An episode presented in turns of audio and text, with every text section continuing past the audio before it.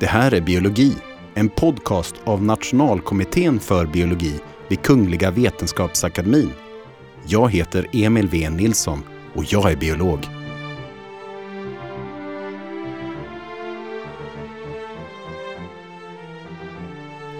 Idag ska vi fördjupa oss i frågan om vad liv är för någonting.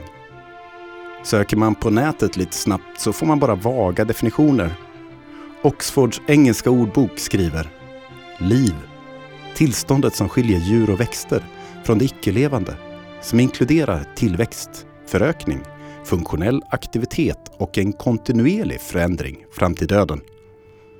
Hmm, jag vet inte vad det betyder. Eller engelska Wikipedia där man kan läsa att liv är det som utmärker fysiska enheter som har biologiska processer, såsom självuppehållande processer, från de som saknar dessa eftersom de har upphört genom död eller för att de aldrig haft sådana funktioner och därför klassas som icke-levande. Men det är som att dessa definitioner framförallt säger att liv inte är inte liv. Kan vi komma närmare ett svar på denna klassiska fråga?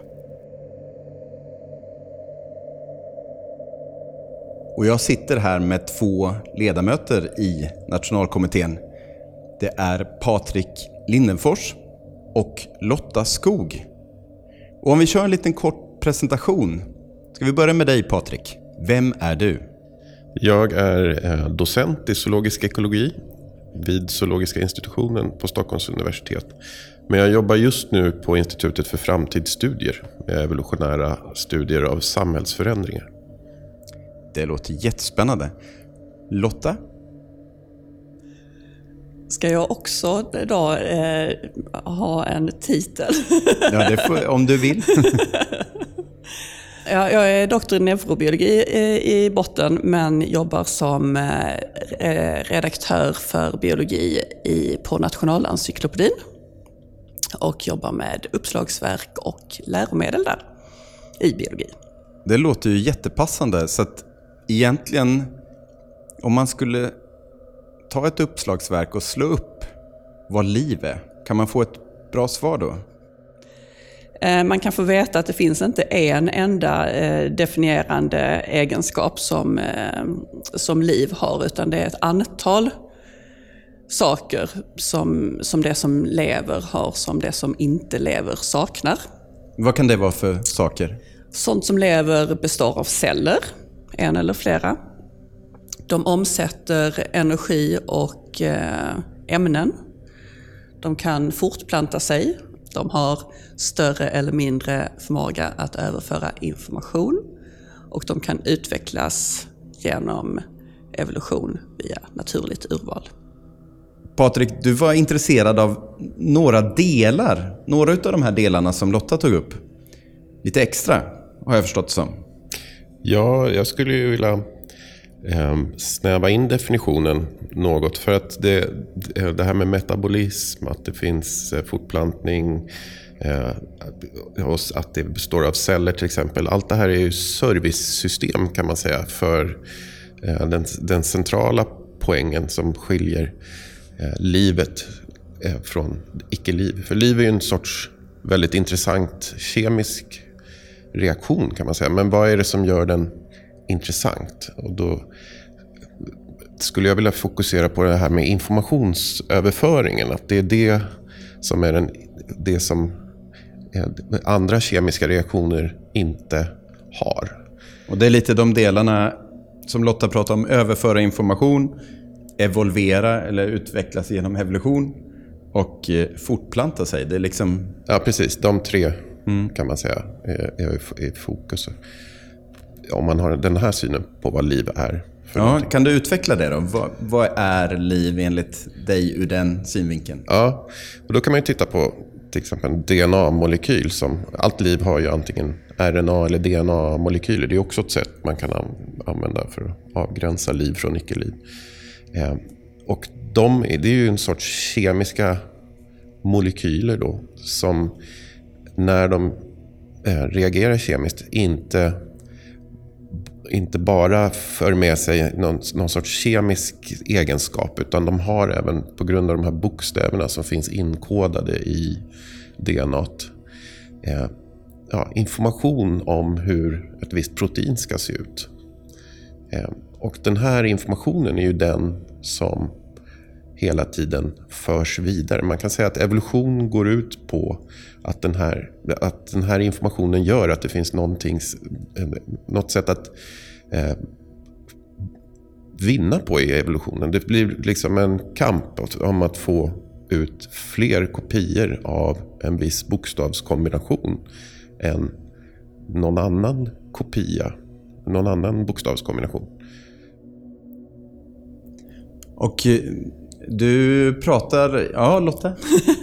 Fast det här, då, då, då närmar man sig... Alltså då, då känns det som att man kanske ändå ska prata om, om, om gränsdragning mellan, eh, mellan eh, levande organismer som består av celler som är avgränsade, som kan göra alla de här andra sakerna i sig själva, som kan omsätta energi och, och ämnen och eh, så. Och å andra sidan de som, som, som har den här driften av att bli fler av sig själva som virus och även prioner som inte, som inte har DNA och RNA, men som också har den driften att, att liksom smittas och bli fler av sig själva liksom, mm. eh, på eh, eh de levande organismernas bekostnad.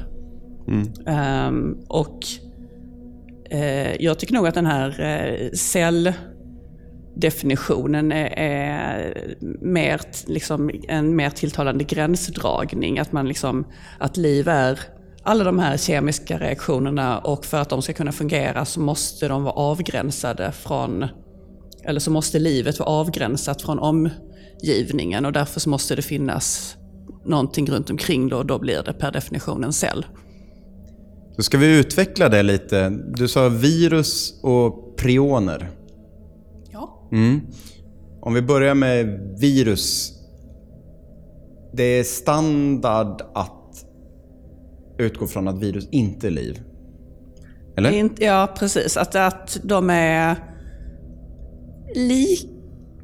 Alltså de liknar liv men, men går inte liksom... Kvalar ändå inte riktigt in. Ja.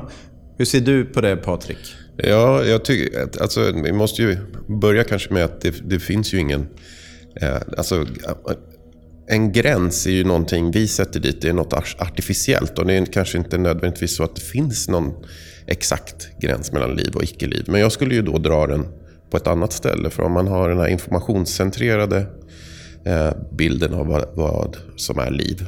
Då hamnar ju virus bland i det levande skara. Ja. Och bara att det är levande utan att ha hela det här supportsystemet för att föra vidare sin egen arvsmassa. Men det här är ju bara ord. Så att säga. vi är överens om hur virus fungerar och vad det är som skiljer det från celler. Så för, tänker du då att man kan, man kan liksom tänka på virus som parasiter? Att de, de är beroende? Ja. Likaväl som en, en inälvsmask inte heller kan leva ute på gräsmattan själv? Ja, precis. Det, det som blir mer problematiskt eh, med den här bilden då, det är ju hur man ska räkna prioner som mm. är en bit eh, självkopierande protein. Och det här har ju bekymrat eh, de som har en informationsbaserad bild av liv. Som till exempel John Maynard Smith. Han ville räkna in även protein som informationsbärare. Och det här är en diskussion man måste ha i så fall om man vill göra en strikt eh, gräns. Om det är så att man är lite intresserad av eh, hårklyveri och definitioner? Ja. Och vi kanske inte är det här. Eller? Vissa av oss kanske är lite intresserade av det. Nej men det är ju spännande, man kan ju se det också eh, historiskt. Kanske. Att man tänker att liv uppstod någon gång. Och sen det som har kommit efteråt, det är liv. Och det som fanns innan, det var inte liv. Har ni några tankar om det? Ja, alltså det som uppstår när liv uppstår, det är, när man säger, det är ju att förmågan att kopiera sig själv. Att vi har alla en obruten tråd av kopiering som går tillbaks till det här tillfället när någonting av någon anledning började självkopiera. Eh, och då det var, var det exakt det som började kopiera sig först är ju en helt öppen fråga. Så att säga. Men någonstans så uppstår RNA-baserad kopiering. Och det är väl den mest grundläggande formen där alla är överens om att det handlar om liv. Jag tror det. Men, men sen var det, alltså, det, inneslutningen var ju också ganska så central. Okej. ja, var, varför är den så viktig? Det finns ju liksom, man märker ju att det finns en liten eh, skillnad i tyngdpunkt här, eh, hur ni lägger er. Lotta, varför ser du den som så avgörande? Ja, det är väl en magkänslig grej, men, men liksom för att eh, man kan inte vara en organism annars och, och, och för att jag tänker att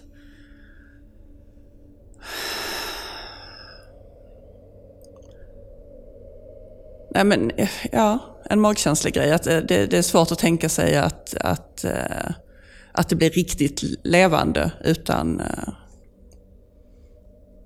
utan hela kittet. Liksom, utan den här eh, avgränsningen från mellan innanför och utanför. Där alla livsprocesser kan ske på ett liksom, eh, långsiktigt och eh, organiserat vis.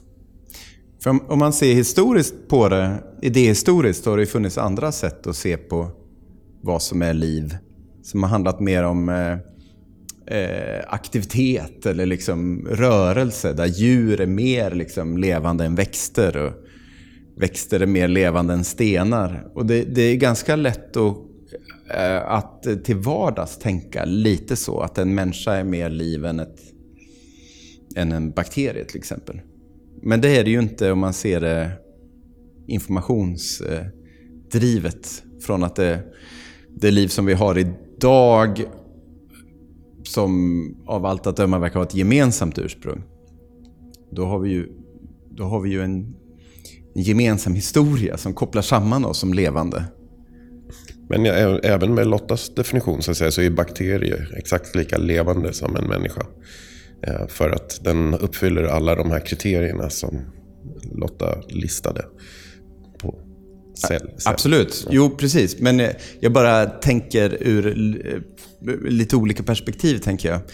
Och man kan ju fundera liksom på om, om transposoner är levande, som är liksom eh, genetiska element som kan självföröka sig i DNA. Och då är de levande enligt dig, Patrik? Ja, de är ju del av liv i alla fall. Alltså, ja. själva, det är ju, en viktig poäng är ju att liv består av döda saker. Så man kan inte plocka ut delar och säga ja, är den här DNA-molekylen levande? Utan det blir något sorts helhet där själva kopieringen kanske är en bra början på att definiera. Och då kan ju transposon bli en, en, i alla fall en del av något levande. Ja. Även om det inte är levande i sig.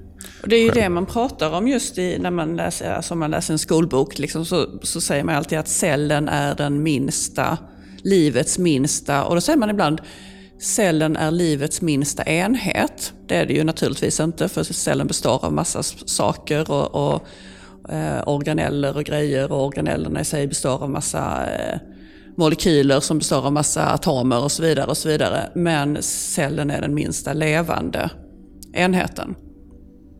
Vilket är intressant, för inne i cellen så finns det ju en del som heter mitokondrier som innehåller sitt eget DNA och som självkopierar sig självt så att säga. Då eh, kan man ju fråga sig, varför är det inte då en enhet? Ja. Som kan Men de kan man väl inte, de kan inte klara sig de kan inte klara sig ja, själva. Nej. Att, uh, och, och, då blir det, nej, precis, och då, då är man ju tillbaka till det här med, med parasit situationen. Liksom. När man är fullständigt beroende av sin värld. Mm. Så vi är byggda av celler som mm. ja, sig själva är byggda av parasiter. Ja, ja. Eller i alla fall innehåller ja. sådana. För det är ju en, det är ju en väldigt intressant gränsdragningsfråga det här med med, när det kommer till sådana flercelliga organismer som oss. Att, eh, på något sätt, jag kan ju hugga av mig en arm och fortfarande det dör ju miljarder celler om jag skulle göra det. Men jag skulle leva fortfarande som person. Mm. Samtidigt så skulle ni, om jag föll död ner här, uppleva som att ja, det är någonting som har hänt. Men vad är det som har hänt? Eh, för man, allting dör ju inte på en gång. Precis, man skulle ju kunna plocka ut massor med celler ur dig och, och odla i, i cellodling. Och, eh, var man jättesnabb så skulle man kunna plocka ut eh, eh, delar, kroppsdelar och transplantera till någon annan och så kunde de fortsätta att leva massvis med år. Liksom. Ja. Så att, ja, vad det är som är liv när det kommer till mig som individ är ju också en, en fråga som saknar gräns egentligen. Mm. Gränsdragningen är ju omöjlig, eller i alla fall svår att göra. Men det hänger också ihop med information, med liksom hur man, eh, att kroppen kan kommunicera inom sig själv och, och samverka och, eh, och sådär.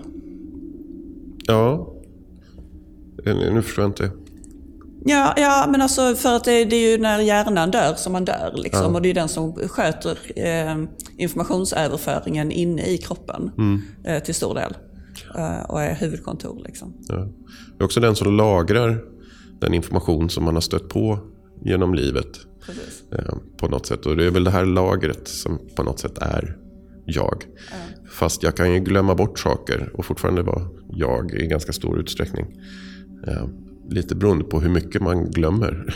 Så småningom försvinner ju ja. även den. Exakt. Ja. Fast jag lever fortfarande, även om jag har glömt allt jag har varit med om. Ja, man lever som, som en biologisk organism, ja. men kanske inte riktigt som en människa. Eller? Det kanske är någonting annat. Vad det är att vara, vad det är att vara människa kontra vad det är ja, som att vara ja, levande. Att vara människa är ju mycket att, att ha alltså kulturell information och ha, ha tagit emot information på det sättet. Som vi, det vi gör nu till exempel är ju mm. att vi tar in och sprider information mellan varann och genom eh, den här podden. Eh, och det är ju väldigt mänskligt. Det är, är, är få djur som gör det i så stor utsträckning i alla fall som vi gör. Eh, om ens något. Jag tänkte lite på det här med parasiter. Jag tycker det är ganska intressant. Eh, och också, det är lite roligt att utgå från en själv. Då. Så vi har mitokondrier i våra celler som har en annan historia, evolutionshistoria än cellkärnan och dess evolutionshistoria. Sen har vi också en eh, eh inälvor en tarm som innehåller mängder av olika organismer som inte delar vår evolutionshistoria heller. Ehm, och eh, när man då ser, man kan se liksom Mitokondrien kan man ju inte riktigt se som en parasit. Men den klarar sig inte utanför våra celler. Vi behöver ju den lika mycket som den behöver oss.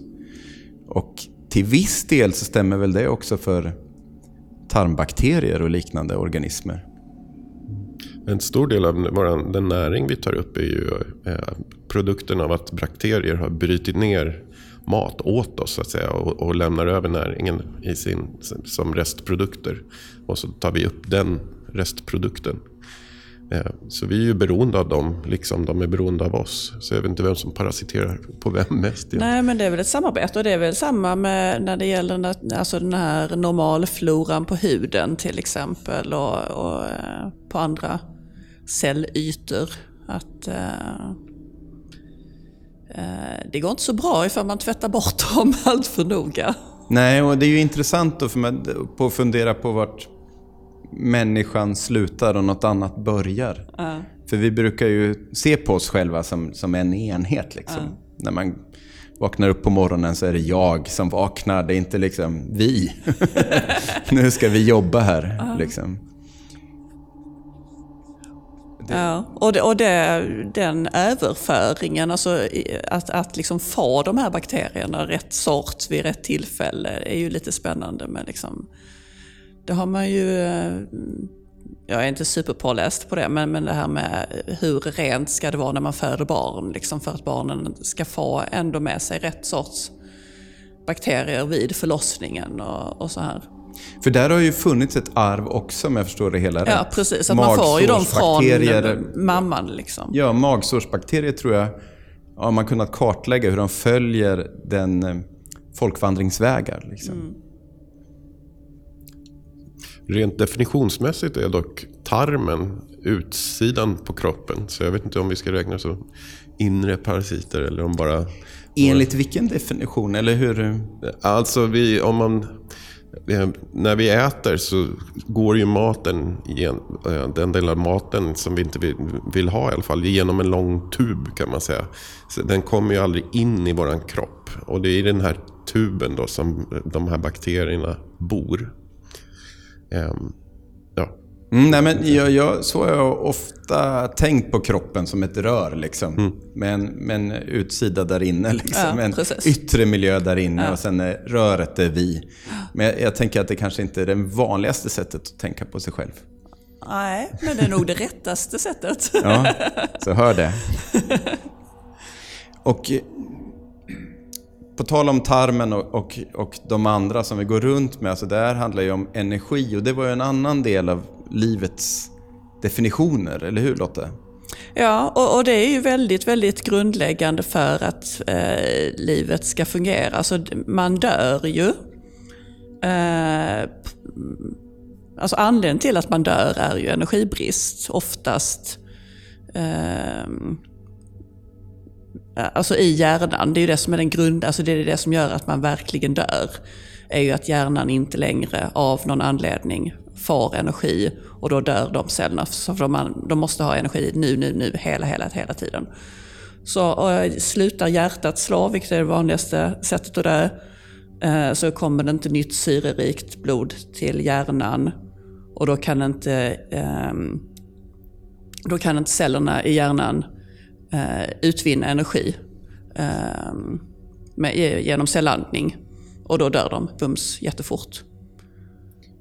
Okej, så sy, det är inte syret primärt, utan det är för att sy, det, är, ja, det är klart, det hänger ju ihop. Det, men jag inte, man tänker inte på det till vardags som att det hänger ihop. Eh, konsumtionen av energi och, och syrekonsumtionen. Men det är, ju, det är ju klart att det gör. När du säger det så känns det ju så självklart. För jag tänker, jag tänker liksom det, det, det här med energi måste ju hänga ihop med informationsöverföringen det, det, är väl i kombination på något sätt som det ger någonting unikt. Man brukar ju prata om termodynamikens eh, andra lag, är det inte det? Så det, det är det som är grejen, liksom, att det kostar energi att upprätthålla eh, både ordning, men, men, men det kostar energi att, att, eh, att skapa. Liksom skapa ordning? Ska, eller skapa gå från oordning mot att, ordning? Att, att, att skapa komplexitet. Ja. Um, energin förstörs inte men den, men den omvandlas till mer eller mindre uh, lättillgängliga former. Liksom. Så, så levande saker behöver ju ta in energi för att skapa komplexitet och, och hålla ordning i, eh, på livsprocesserna. Så om inte solen öste över oss eh, energi som vi kunde omvandla till mindre ordnad energi så skulle vi, livet inte kunna existera. Det är på något sätt en lokal... Eh, allt levande är någon sorts lokal eh, ordningsskapande kemiska reaktioner kan man säga. Lokala ordningsskapande kemiska reaktioner. Så det är liksom solen som gör att ekvationen går ihop? Ja, just det. Att vi eh, får och det är ganska lätt att glömma eftersom den är ju rätt långt bort. Och, och, inte, och man ibland ser bakom inte, molnen. Precis, ibland bakom molnen. Men, det, men det, är ju, det är ju värt att tänka på. Ja, det ja. finns ju lokala exempel i, på, i djuphavsmiljöer där, där det här drivs av termodynamisk hetta istället. Så, att säga. så det behöver inte drivas från solen nödvändigtvis. Även om den form av liv som vi har runt omkring oss, allt drivs av solen. Det är ju, det är ju sant faktiskt. Det, det, det, livet som drivs av solen har ju hittills blivit lite komplexare än det som, som finns på djuphavet. Ja, definitivt.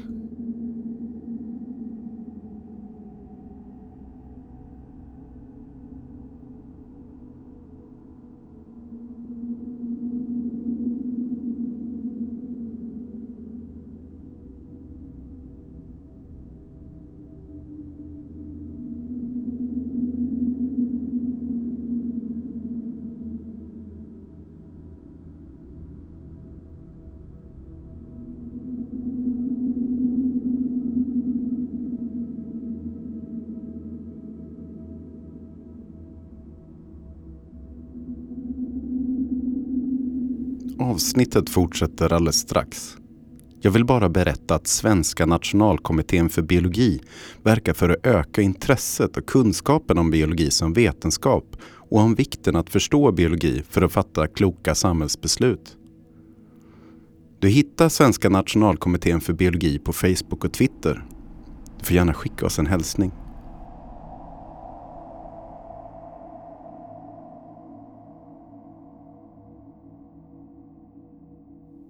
Nu har vi varit inne lite på vad liv är ur lite olika aspekter. Men om vi då funderar lite på när liv slutar. Hur vet man när det är slut? Det beror på vem det är som dör. Gör det alltså, om det är en större, mer eh, om det är ett djur. Ja. Um, så handlar det om att, att hjärnan är fullständigt död och inte eh, bortom räddning. Mm. Um, för växter är det annorlunda, till exempel. Um, men, um, men för människor det det så har man ju liksom, eh, det, det, finns ju eh, regler, lag, alltså juridiska regler för hur man fastställer att någon har dött. Precis, men det är ju våra mänskliga definitioner. Eh, är det också det som biologin säger? Har biologin samma tankar? Det, det, det, blir ju, det blir ju lite grann en gränsdragning när man har en sjukvård som kan upprätthålla liv i en kropp utan att den kan klara sig själv. Uh, och det är ju den gränsdragningen man försöker hitta, så att nu är, nu är den här individen inte förmögen att, att liksom, uh, veta om att den är, lever och den hade heller inte kunnat fortsätta leva ifall man stängde av uh, respiratorn. Ja, och där har vi liksom den här energidefinitionen av liv. Men Patrik, du var väldigt mycket på det informationsdrivna. Och eh, är det då någon skillnad mellan eh, eh mammutar eh, och eh, mig, jag har två barn, huruvida livet, när livet slutar? Ja, det är det ju. Man skulle kunna tänka sig en situation där till exempel vi tar allt innehåll i din hjärna och laddar upp det på en dator. Och så låter vi den fortsätta köra, så att säga, dina upplevelser och allting. Och så tar vi död på din kropp. Och då kan man ju säga att eh, det, rent biologiskt har ditt liv tagit slut för att alla celler i din kropp har slutat fungera och all information som finns i liksom köttet är oväsentlig för den interagerar inte med omvärlden på något sätt. Samtidigt så har ju all den här informationsbearbetning som din hjärna håller på med eh, fortsätter. Och det är ju det, tror ju vi, som, upp, som är vårt jag. Då. Att det är där jaget uppstår. Att den sortens informationsbearbetning. Så att vi kan leva vidare fast vi inte lever vidare rent biologiskt. Och då blir den här informationssynen intressant. Är det då, vad är det då som är levande. För att på något sätt så lever ju jag vidare. På ett sätt som jag tror inte en mammut kan. För att det finns inte den typen av informationsbearbetning i mammutens hjärna. Utan den är mer nära knuten till eh, kroppen hos en mammut. Vi har ju sådana här samtal eh, och tänker på saker på ett, på ett sätt som inte en mammut har kapacitet att göra helt enkelt. Och sen har jag ju också då eh, överfört DNA till mina barn. Så att jag på det sättet lite tänker mig att jag fått ja. potentiellt evigt liv. För att de kan i sin tur få barn och då på ja, något sätt... DNA kanske har evigt liv, men du, alltså, som manifestation av en specifik DNA-kombination så försvinner det ju. Men enstaka gener har ju potentiellt evigt liv. Man blir ja. ju utspädd för varje generation. Eh, så länge man ägnar sig åt eh, sexuell fortplantning. Ja, och inte allt för mycket inom släkten. Ja, precis.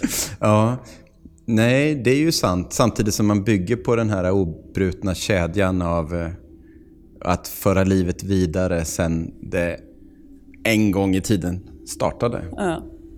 Och där är Och ju inte mammutarna med. Nej, Det, det, det de delar med elefanterna till exempel är ju fortfarande med. Om man vill. Det är men ju- inte den sista mammuten. Nej, alltså den, just de kopior av de generna i den individen är ju borta. Men jag skulle tippa att det är kanske 99% av generna som liknar de som är i en elefant idag. Som den mammuten hade. Och de lever ju i all högsta välmåga. Om man nu är rätt att säga lever i det här fallet. Men de finns i alla fall kvar som aktiva aktörer i någon sorts värld, omvärld. Men om man ska tänka på liksom det här att påverka framtiden och meningen med livet, så den sista mammuten var ju lite meningslös. För, för, för elefanterna fick ju det, eh, de här generna långt innan den fanns. Jag tycker väl inte att den, den är mer meningslös än våra, alla celler i våra kroppar. Nej, nej, men ur det här eh, liksom, framtidsperspektivet liksom, så, så kunde den ju funnits eller inte funnits, det hade inte märkts någon skillnad. Vilket är sant för alla celler i våra kroppar också. För den, jag vet inte om jag kan... köper det här på något sätt. Det är ju det är någon sorts moln av gener som finns i, i världen och eh, i olika kombinationer och i olika individer och vid olika tidpunkter. så att säga. Och det är det här molnet som är det eviga i, i, i är det som för livet vidare. Så skulle jag vilja se det. Och då är ingen instans riktigt meningslös. och Ingen, in- eller menings... Ja, okej, Ja, det är ett fast- annat ord att, att bråka om vad det betyder. Nej, men om man ska tänka på, på det här med liksom obrutna kedjor, så alla, alla eh, återvändsgränder och dead ends är ju då inte del av de obrutna kedjorna. Liksom. Ja, men då är ju alla din kroppsceller, utom Ja, ja. x antal ägg då, återvändsgränder kan man Ja. säga. Mm, nej. ja, jag förstår vad du menar, men jag, ja, det är svårt att köpa den beskrivningen, men den är ju sann. Så måste Och till viss del kommer det ju någon slags... Att det delar upp sig i två delar här. Dels pratar vi om den här livet som informationsdrivet och då kommer vi ner till DNA, då kommer vi ner till de här livskedjorna. Men sen har vi också, du, som du pratade om Patrik, om man kunde ladda upp medvetandet i en dator. Och då är det eh, tanken om, om vi, oss, liksom jaget. Eh, och det blir ju lite olika delar i det. Och det är också det som gör det lite svårt eh, att prata om. För man pratar gärna om det här informationsdrivna som att det är på väg någonstans. Eller liksom... Eh, förstår ni vad jag är ute efter? Det är svårt att... Det är svårt nästan att använda vardagsbegrepp till att beskriva det. För att det, man ger det en, eh, en... Eh, som att det är på väg någonstans. Ja, det, det som skiljer informationsdrivna kemiska reaktioner från icke informationsdrivna kemiska reaktioner är ju på något sätt att det finns en nivå av förklaring till för varför ett, ett fenomen uppträder. Så att säga, om man stoppar in Eh, DNA-molekyl och låter den kemiska reaktionen inträffa så kan man ju förklara det här genom att det är kemi helt enkelt. Men när du undrar varför har den här DNA-molekylen blivit så väldigt vanlig i eh, primater, hos apor. Varför, varför är just den här bokstavskombinationen så viktig för apor? Då handlar det ju inte om kemi längre utan om hur den här bokstavskombinationen har interagerat med omvärlden. Eh, och gett en fördel eller en nackdel till apor. Så det finns en, en, en sorts eh, syfte i, eller inte syfte, men det finns i alla fall en, eh, det finns ett sätt att vara bättre och sämre bokstavskombination på. För att om du eh, fungerar sämre i omvärlden så får, blir du sämre, för färre kopior. Och det är liksom på något sätt är det som evolutionen, det är så evolutionen fungerar. Ja, men borde inte det också påverka hur man ser på död? Helt enkelt. När, när är det slut då? För att, Ja, vem, det beror på vems död. Om vi pratar om din död så har det ju ingen inverkan på det. Men om vi pratar om geners död så, har det ju, så är det ju viktigt. Ja. Så det beror på vems död vi pratar om. Ja, precis. Det är det jag tänker att man kanske hamnar, man hamnar lite borta ifrån det vi ser som individuella livsenheter till vardags. Absolut.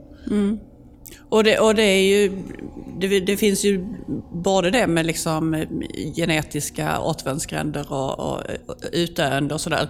Men också skillnaden mellan död hos organismer som fortplantar sig genom att skapa nya, eh, alltså genom att skapa avkommor. eh, Till skillnad från sådana som eh, fortplantar sig genom att dela sig. Um, för de som delar sig de blir ju aldrig klara med det.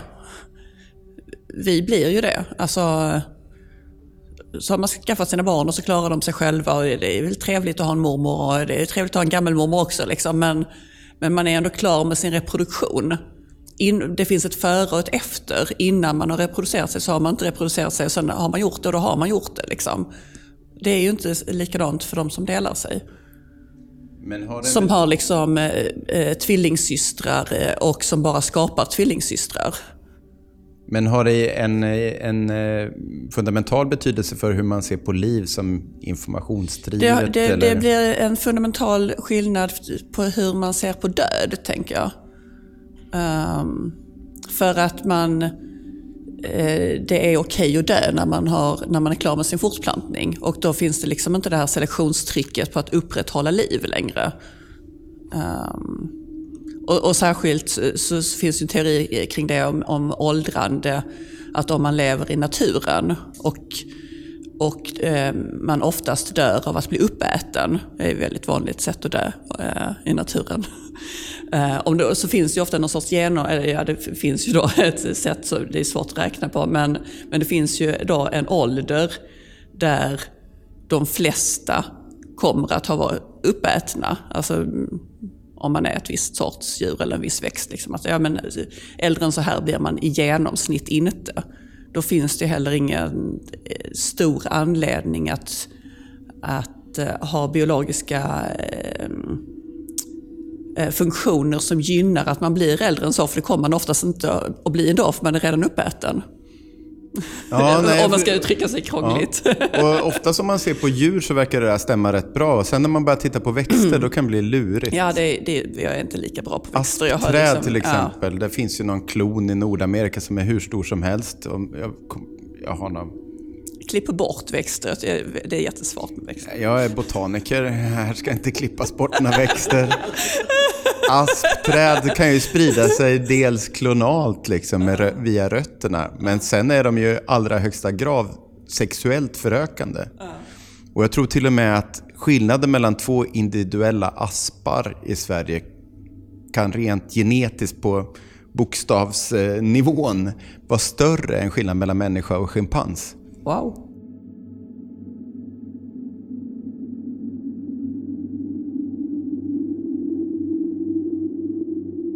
Så vi har ju försökt ringa in liv, vad liv är, här nu idag. En litet intressant tanke, experiment är ju om vi kan använda det här, det vi har pratat om, för att känna igen liv någon annanstans än på planeten jorden. För än så länge så är det bara här som vi hittat liv. Hur skulle vi känna igen den någon annanstans? Eller om det kom hit.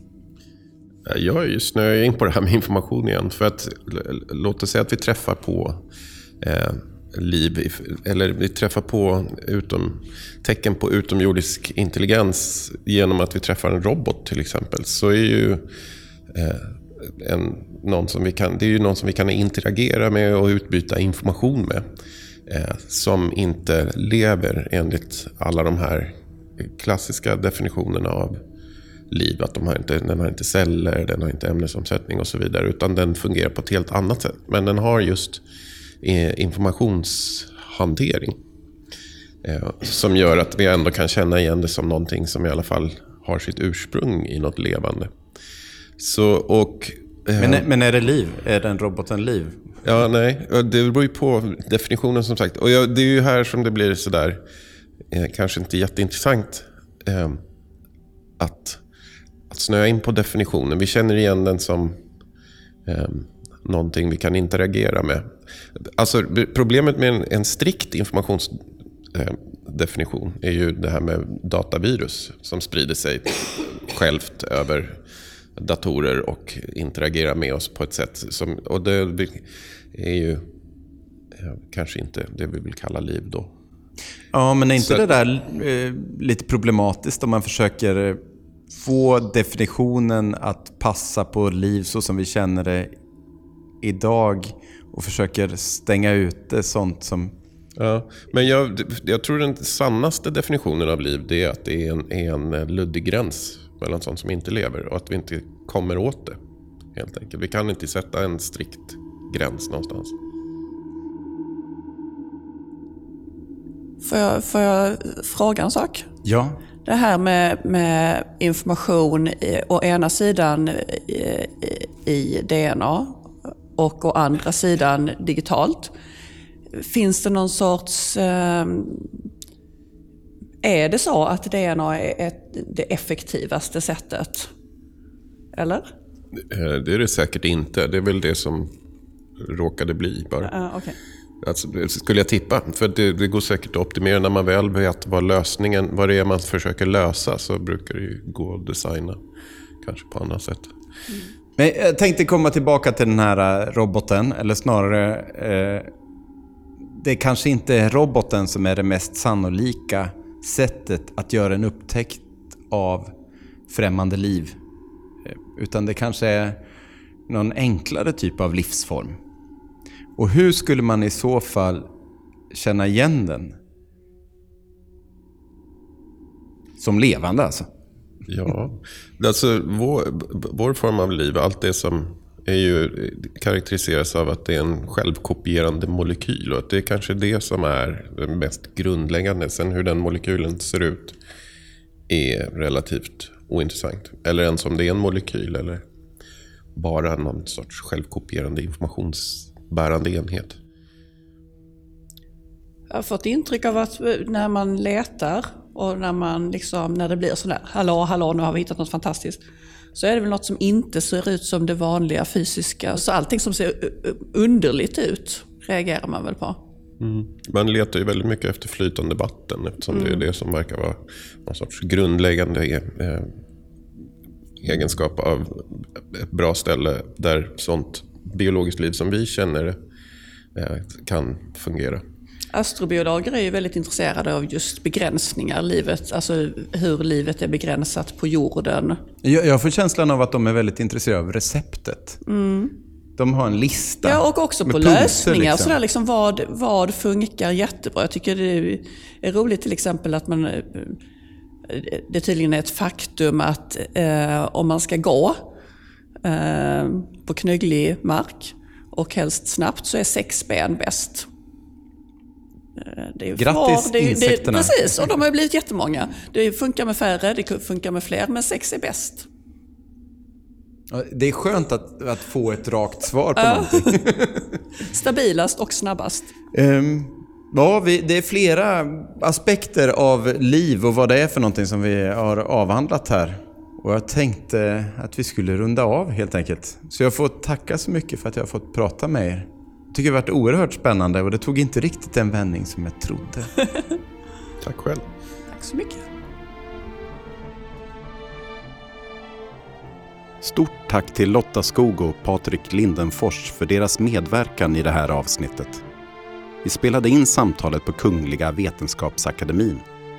Om du gillar det så finns det tre andra avsnitt.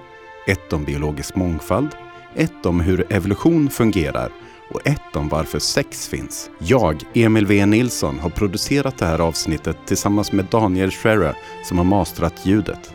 Gingen är inspelad av Alexandra Ballog och bakgrundsljudet är dels en utdragen jingel och ett nerpitchat årspel.